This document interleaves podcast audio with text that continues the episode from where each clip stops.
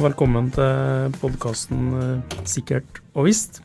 En podkast om sikkerhet eh, for forskere, studenter, folk som jobber med sikkerhet, og andre som er interessert i sikkerhet.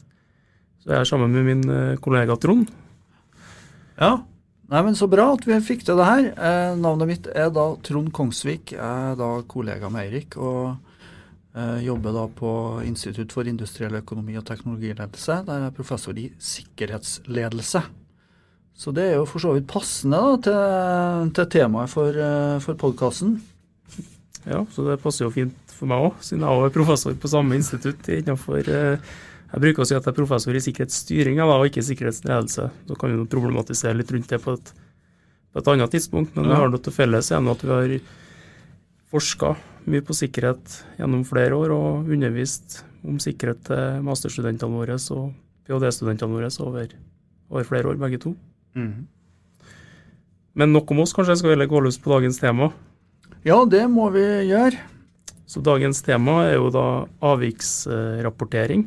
Da, det er jo et mye anvendt verktøy i, i praksis, og det er samtidig et felt det er gjort en del forskning på. Så det er jo litt av tanken med de podkastene her, at vi skal formidle litt om kunnskapen om forskjellige forhold da, for sikkerhet i arbeidslivet.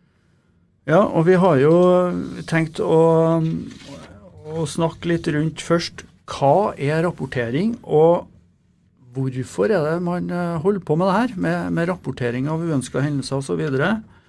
Og så skal vi også se litt på årsaker til underrapportering, for det vet vi jo er et eh, ganske sånn stort problem hos, eh, hos mange. Vi skal komme litt tilbake til det. Og så skal vi da til slutt se litt på hva er det sånn rent praktisk vi kan ta med oss fra, fra det her. Og, og, jeg kan jo kanskje begynne litt med, med hva er det vi egentlig vi snakker om her? Da? Hva er, er rapportering? Og litt mer presist så handler det jo litt om avviksrapportering.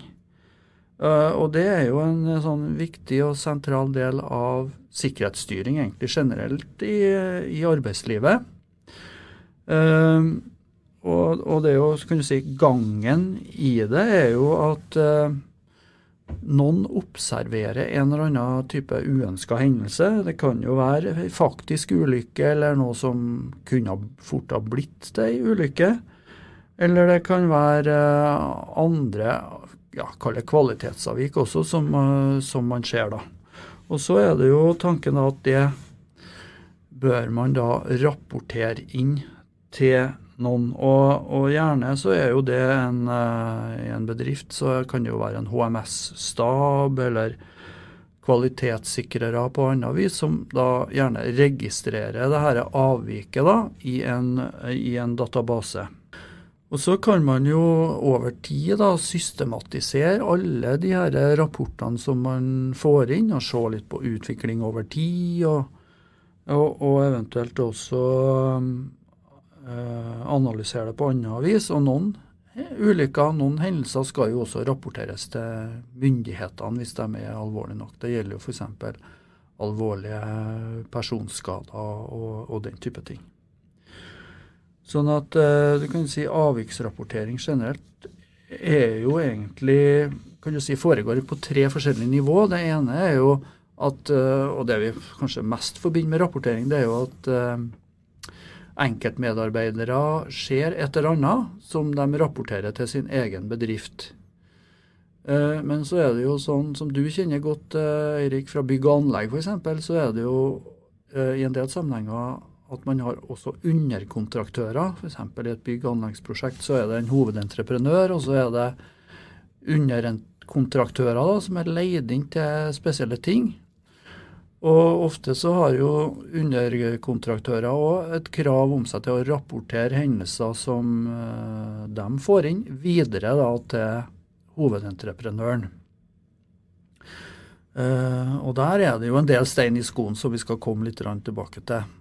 Og så er det også et tredje nivå da, som innebærer at, uh, som jeg nevnte i sted, at noen typer hendelser skal man òg rapportere videre til myndighetene. Så det her er jo egentlig en sånn rapporteringskjede. Og som vi vet, så er jo kjede ikke sterkere enn det svakeste leddet. sånn at det er klart Svikter det her i måte, første ledd med at uh, enkelte medarbeidere ikke rapporterer til sin arbeidsgiver, så kommer det jo til sjuende og sist heller ikke fram til myndigheter, f.eks. Jeg tror nok en del av våre lyttere vil kjenne seg godt igjen med at det er en del utfordringer i denne kjeden. og Det skal vi komme litt tilbake til. Eh, jeg har bare lyst til å kommentere en liten ting. for Vi, snak, vi har jo sagt avviksrapportering frem til nå. Det er jo litt sånn kjært barn har, eh, har mange navn, og det er jo ikke unntak her heller. Så i hvert fall en del bransjer så opererer man jo med begrepet RUH like mye som avviksrapportering. Mm -hmm. Altså rapportering av uønska hendelser og forhold snakker man ofte om. Så det er jo ikke bare det at når det skjer en hendelse, det kan jo like gjerne være at man ser farlig atferd, eller det kan være eh, at man ser et usikkert forhold. Altså at det mm. mangler trekkverk, typisk. da. Mm. Um, og så kan det jo være nestenulykker, altså at det ikke skjer noe tap, men at det, vi har en hendelse. Så det er rapportering av avvik, rapportering av hendelser, mm. rapportering av uønska hendelser, forhold, RUH. Mm. Rapportering av forbedringsforslag, kanskje noen bruker òg. Så kjært barn, mange navn. Og så er det kanskje en fellesnevner her da, med at uh, man observerer noe som ikke er i samsvar med det man forbinder med en norm på et tilstrekkelig uh, sikkerhetsnivå. Da er det jo lett å bruke avviksbegrepet i i forhold til det. Mm. Ja. Men så er jo store spørsmålet hvorfor i all verden holder vi på med det her? Hvorfor, eh, altså Det er jo på en måte en sånn ganske ressurskrevende aktivitet da, for en god del bedrifter. Man, eh, eh, for det første er det jo litt jobb for dem som skal rapportere, men ikke minst for den HMS-staben, da, eller de som, måtte, som skal ta det her videre og analysere det og bearbeide det videre. Så, så, det må jo være et eller annet man får ut av det her, da, Eirik? Det er nok det. og Jeg tror det er mange som har stilt seg spørsmålet her om hvorfor skal vi rapportere, og hvorfor skal vi sitte og analysere det her. Uh, og det er mange gode argumenter for hvorfor det her er, er viktig. Jeg tenker det kanskje aller viktigste er at det her er et fundament for læring og forbedring i, i virksomheter. og Skal du forbedre noe, så må du ha kunnskap om hva som eventuelt da ikke fungerer, sånn at man kan ta Eh, kan ta tak i det og gjøre det. Så jeg tenker at et viktig svar på det spørsmålet hvorfor rapporter ligger jo i, i læring og forbedring. Mm. Eh, så skal vi komme litt tilbake til litt mer med læringsmekanismer om eh, ikke så lenge. Så tenker jeg andre viktige årsaker til at vi ønsker å, å rapportere, det handler jo litt om den generelle sikkerhetsstyringa vi gjør med de andre metoder og verktøy man har, med risikovurdering, ulykkesanalyse og den type ting. så F.eks. når du gjør en risikovurdering, så fordi om fremtida ikke nødvendigvis er en repetisjon av eh, fortida, så vil jo det å se på hva som har skjedd tidligere, være en direkte erfaringsbasert input til å identifisere hva som kan gå galt. Det hjelper deg for å identifisere frekvensen i fremtida og konsekvensen i fremtida. Mm. Så det er et nyttig verktøy.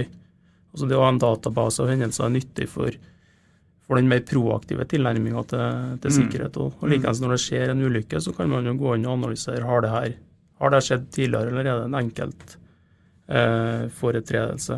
Mm.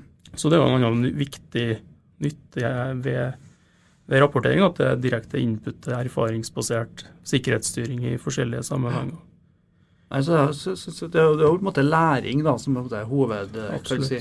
I hvert fall en viktig anliggende for, for at man rapporterer. Um, nei, så er det jo sånn at læring er jo Noen skiller jo mellom hva du si, enkeltkretslæring og dobbeltkretslæring. Og eh, veldig enkelt sagt så handler jo en enkeltkretslæring om Man spør seg gjerne gjør vi tingene riktig. Altså, det er jo det spørsmålet man ønsker å få svar på. Mm. Mens når det gjelder dobbeltkretslæring, så handler det mer om det litt mer grunnleggende. Gjør vi de rette tingene?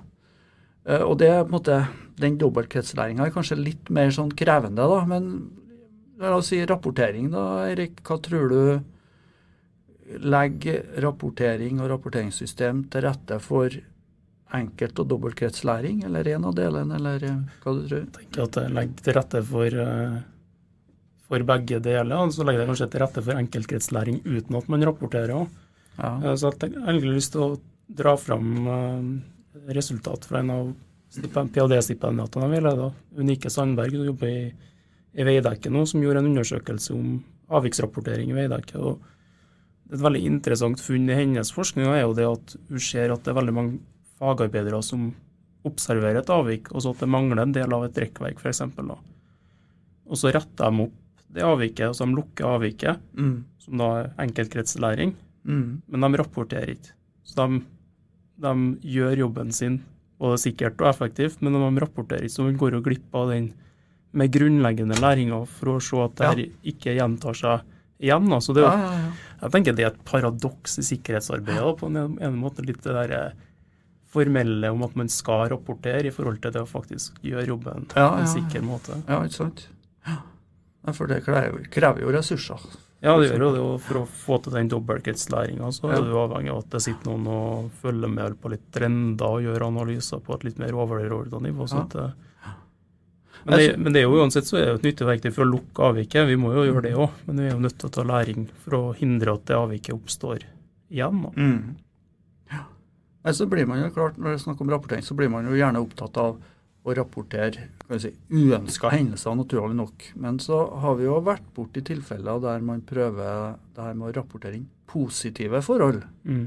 Og, og det, akkurat det temaet kommer vi sikkert innpå i en eh, senere podkast. Men eh, det, det, ligger jo også noe veldig mye læring i det, potensielt. Det, at, eh, det å systematisere ting som går, faktisk går veldig bra. For som vi vet jo, som regel så går det jo egentlig veldig bra. Og, og hva er det som gjør at ting faktisk går bra?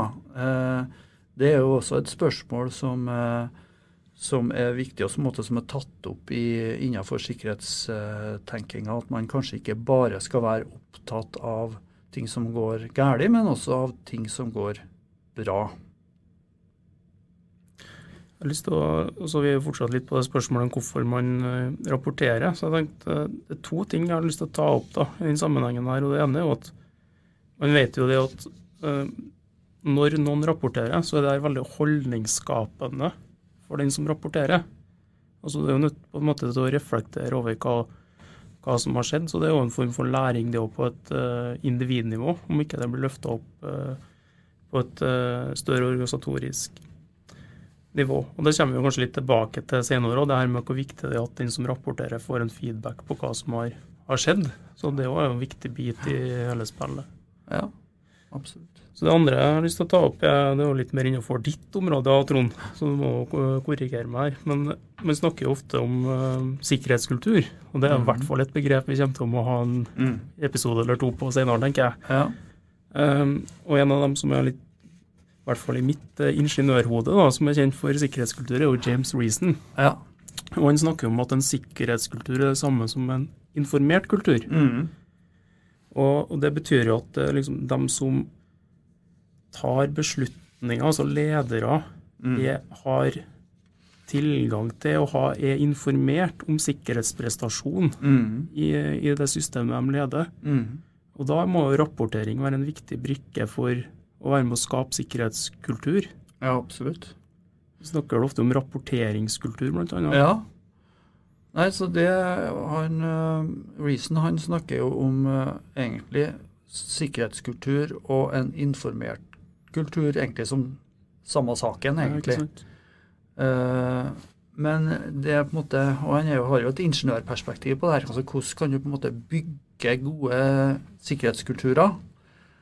Og ett element i det er jo uh, at man skal bygge en rapporterende kultur. Uh, og da er vi jo inne på akkurat det du sier, at man, man må jo på en måte få tilgang til god kvalitetsinformasjon for å på en måte tenke og forebyggende. Uh, og da er du Han snakker jo litt om hvordan er det du faktisk og praktisk kan bygge en, en, en rapporterende kultur. Og da eh, vektlegger en bl.a. det at man uh, som er egentlig selvfølgelig i mange sammenhenger nå, men at man ikke skal straffes sjøl om man eh, rapporterer også feil man sjøl gjør. Eh, hvis det da ikke er snakk om selvfølgelig helt sånn type straffbare forhold, eh, stoff, alkoholmisbruk eh, altså, da, da, er vi i en litt annen skål. Eh, men hvis du på en måte rapporterer deg sjøl på en tabbe du har gjort, så skal du på en måte ikke straffes for det. Heller tvert imot kanskje at du skal eh, Det skal du få eh, ros for å få anerkjennelse for at du faktisk gjør, da. Og så er det jo et punkt om konfidensialitet. da, Det vil jo si at du skal på en måte ikke henge ut folk i Ofte så legger man jo inn de rapportene i databaser, som vi nevnte. Og Da er det jo et poeng da, at man kanskje ikke eh, nevner folk med navn i den type rapporter for, eh, for å unngå. Altså, det kan jo være litt ekkelt og flaut for enkelte selvfølgelig hvis man gjør en, en, en tabbe. Og så er det et, et, et, tredje punkt som går på tilbakemelding. og Der tror jeg på en måte mange har en del å gå på. Og Det handler om at de som faktisk rapporterer, skal, skal se nytten av det her. Og det gjør de jo kanskje best hvis de får en tilbakemelding om uh, hvordan saken står. Altså hva er det som faktisk har skjedd på bakgrunn av det jeg har rapportert inn. Uh, så det å få en sånn kjapp nyttig og forståelig tilbakemelding på det man har, faktisk, den innsatsen man har gjort, eh, er jo også noe som kan stimulere til, til rapportering. Og så Det siste punktet da, som går på at det skal være praktisk enkelt. altså Det går på praktikaliteter. og mm. Der har vi jo vi fått masse hjelpemidler nå, egentlig, med apper og der man òg eh, kan ta enkelt bilder hvis man uh, ser et eller annet eller opplever et eller annet som som da kan eh, sendes inn til en HMS-stab f.eks., som kan ta det her videre. Så, så, enkelt sagt så handler det både om å skape tillit da, til et rapporteringssystem, men også gjøre det enkelt, egentlig. Syns jo det du er inne på noe litt interessant der òg, i, i, i, dag, liksom, med den digitaliseringa man ser overalt. og kan jo på en måte si at Når man får rappa, så setter man jo egentlig bare strøm på det papirbaserte skjemaet sitt. Men ja. jeg vet at en del entreprenører i bygg- og anleggsnæringa som har opplevd at antall rapporter går opp. da, altså ja. Ikke minst den fordelen med bilder. Ja. Så tror jeg at uh, vi vil kanskje se at uh, maskinlæring, altså som en mm. del av digitaliseringa, som gjør at det er lettere å få forskjellige databaser til å snakke sammen, og du kan mm. få stordata. Mm. Så jeg tror kanskje at digitalisering òg kan være med å gi et løft til den ja. analysen og klare å se trender og oversikter over, ja, over rapporter. Så det er mye interessant som skjer. Ja, og det er veldig bra. For det er jo, det er jo et faktum at i noen bransjer så er det jo ganske mange som har lese- og skrivevansker. Sånn generelt så kan vi jo snakke om og, mellom 10 og 20% i en del bransjer. sånn at det å på en måte gjøre det enkelt å ha en del digitale hjelpemidler til stede, det, det er sikkert veldig bra. Men selv om vi ser at uh, bl.a. apper gir mer rapportering, så er det jo underrapportering er jo et utbredt problem i veldig mange ja, virksomheter og næringer. Det er det. Nei, ja, det er jo gjort undersøkelser på det, eh, og det varierer jo litt selvfølgelig mellom ulike bransjer. men man har jo på en måte prøvd å beregne det her. Eh, og i helsesektoren f.eks. så har man jo tall på 85% underrapportering. Dvs. Si at et veldig stort flertall av eh, hendelser som skjer, eh, som burde ha blitt rapportert, faktisk ikke blir det.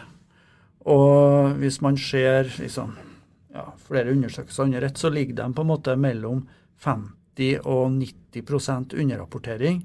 sånn at helt sånn generelt så kan vi si at flertallet av de hendelsene som skjer, eh, som burde ha blitt rapportert, faktisk ikke blir det. Eh, så, så det, er et, eh, det, er jo et, ganske stort kan du si, læringspotensial som man kanskje går glipp av. da. Mm. Høyt tall. Ja, det, det, det er et høyt tall. Um, og så har jo, har jo vi jobba en del med hvorfor i all verden er de tallene såpass høye, da. Og da er det jo si, mye som kan forklare det, egentlig. det, Og som egentlig harmonerer litt med reason, som vi snakka om i, i, i sted òg, da. Um, det er jo bl.a. det her med frykt for represalier eller straff, da, rett og slett. Det, det at man kan være redd for å miste jobben, eller uh, Så det handler både om represalier fra ledelsen, men kanskje også fra arbeidskollegaer. ikke sant? At man kan oppleve det her som en type tysting, ikke sant? hvis du rapporterer noen som din kollega gjør ved, ved siden av. Så, men så vet jeg jo òg at det har skjedd mye på den fronten her, da, at man at, man, at den her frykten for, for å bli straffa på en eller annen måte har nok kanskje blitt mindre i en god del bransjer, i hvert fall sjøl om den er jeg tror absolutt den er til stede også i en, i en del sammenhenger. En annen faktor er jo at man er redd for å få søkelyset på seg. sånn At man er redd for å få en sånn type negativ oppmerksomhet. da. Eh, helsevesenet f.eks. så kan man jo bli saksøkt, faktisk. Hvis, man, eh, hvis man, en kirurg gjør en tabbe, eller man eh, gjør en eller annen tabbe i, i behandlinga.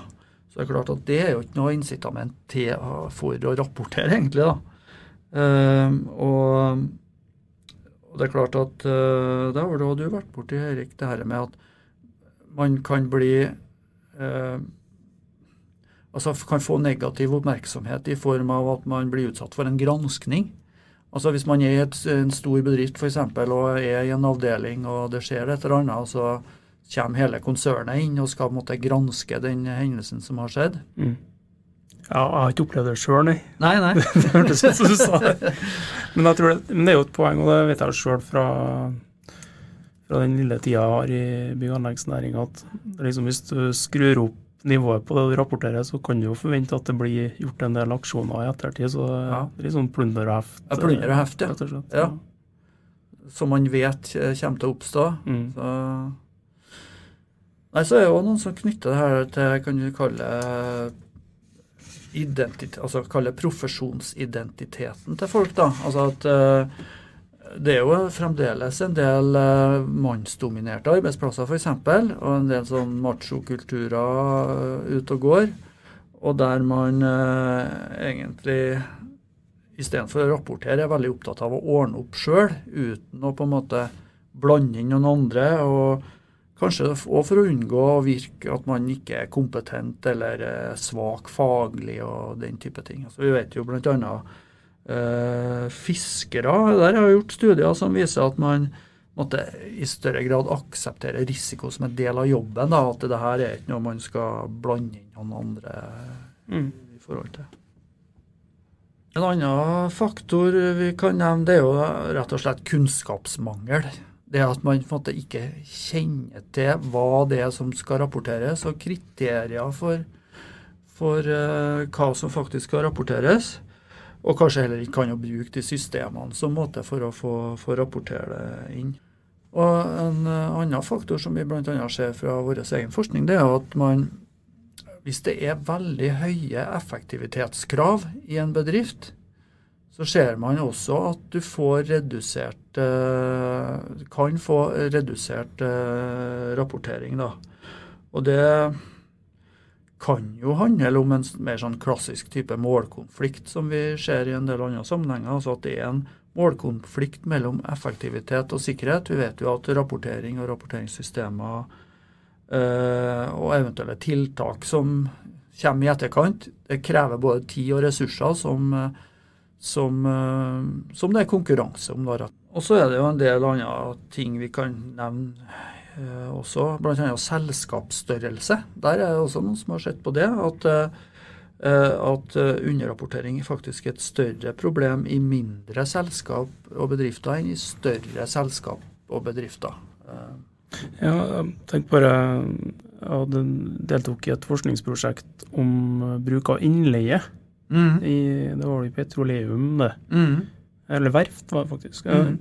Der så vi jo det at innleide arbeidstakere de tenderer til å rapportere langt mindre enn mm. fast ansatte. Mm.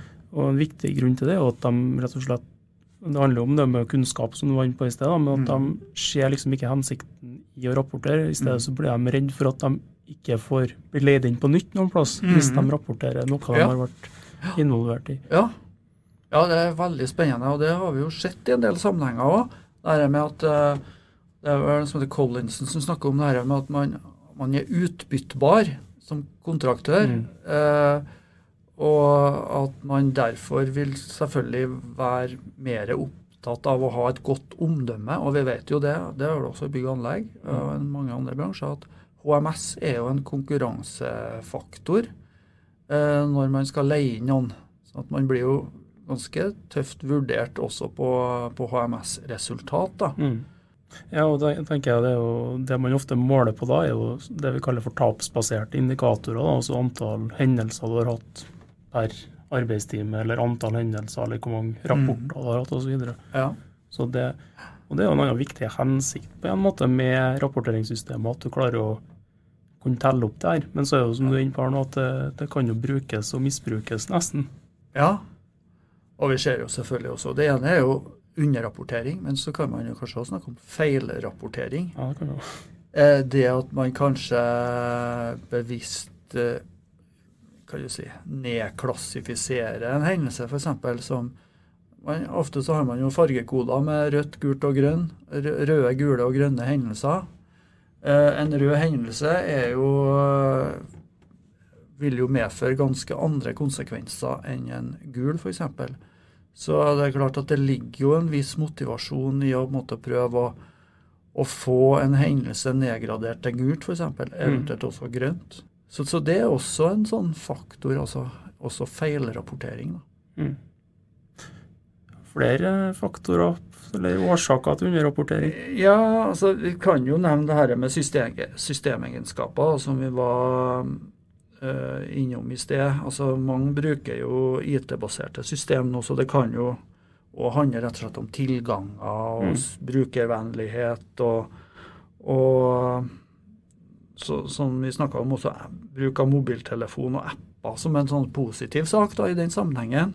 Mm. Uh, så, så det er i hvert fall noen faktorer da, som uh, Ja, så tenker jeg det handler jo litt om opplæring, kanskje, og informasjon fra ledelse. og Det er jo litt sånn inn på at ledere klarer å vise et engasjement for, for sikkerhet, så er jo det her noe de liksom kan uttrykke det engasjementet gjennom òg. Absolutt. Yes. Nei, da har vi jo kommet ganske langt her, men vi må på en måte også si litt om hva er det Hvis hun skal ta med seg noe praktisk ut av det her, altså practical takeaways, som det heter på engelsk. Ja, det er problematisert nok. Vi må komme med løsninger. Ja, vi må- vi Vi må ha noen løsninger òg. Ja.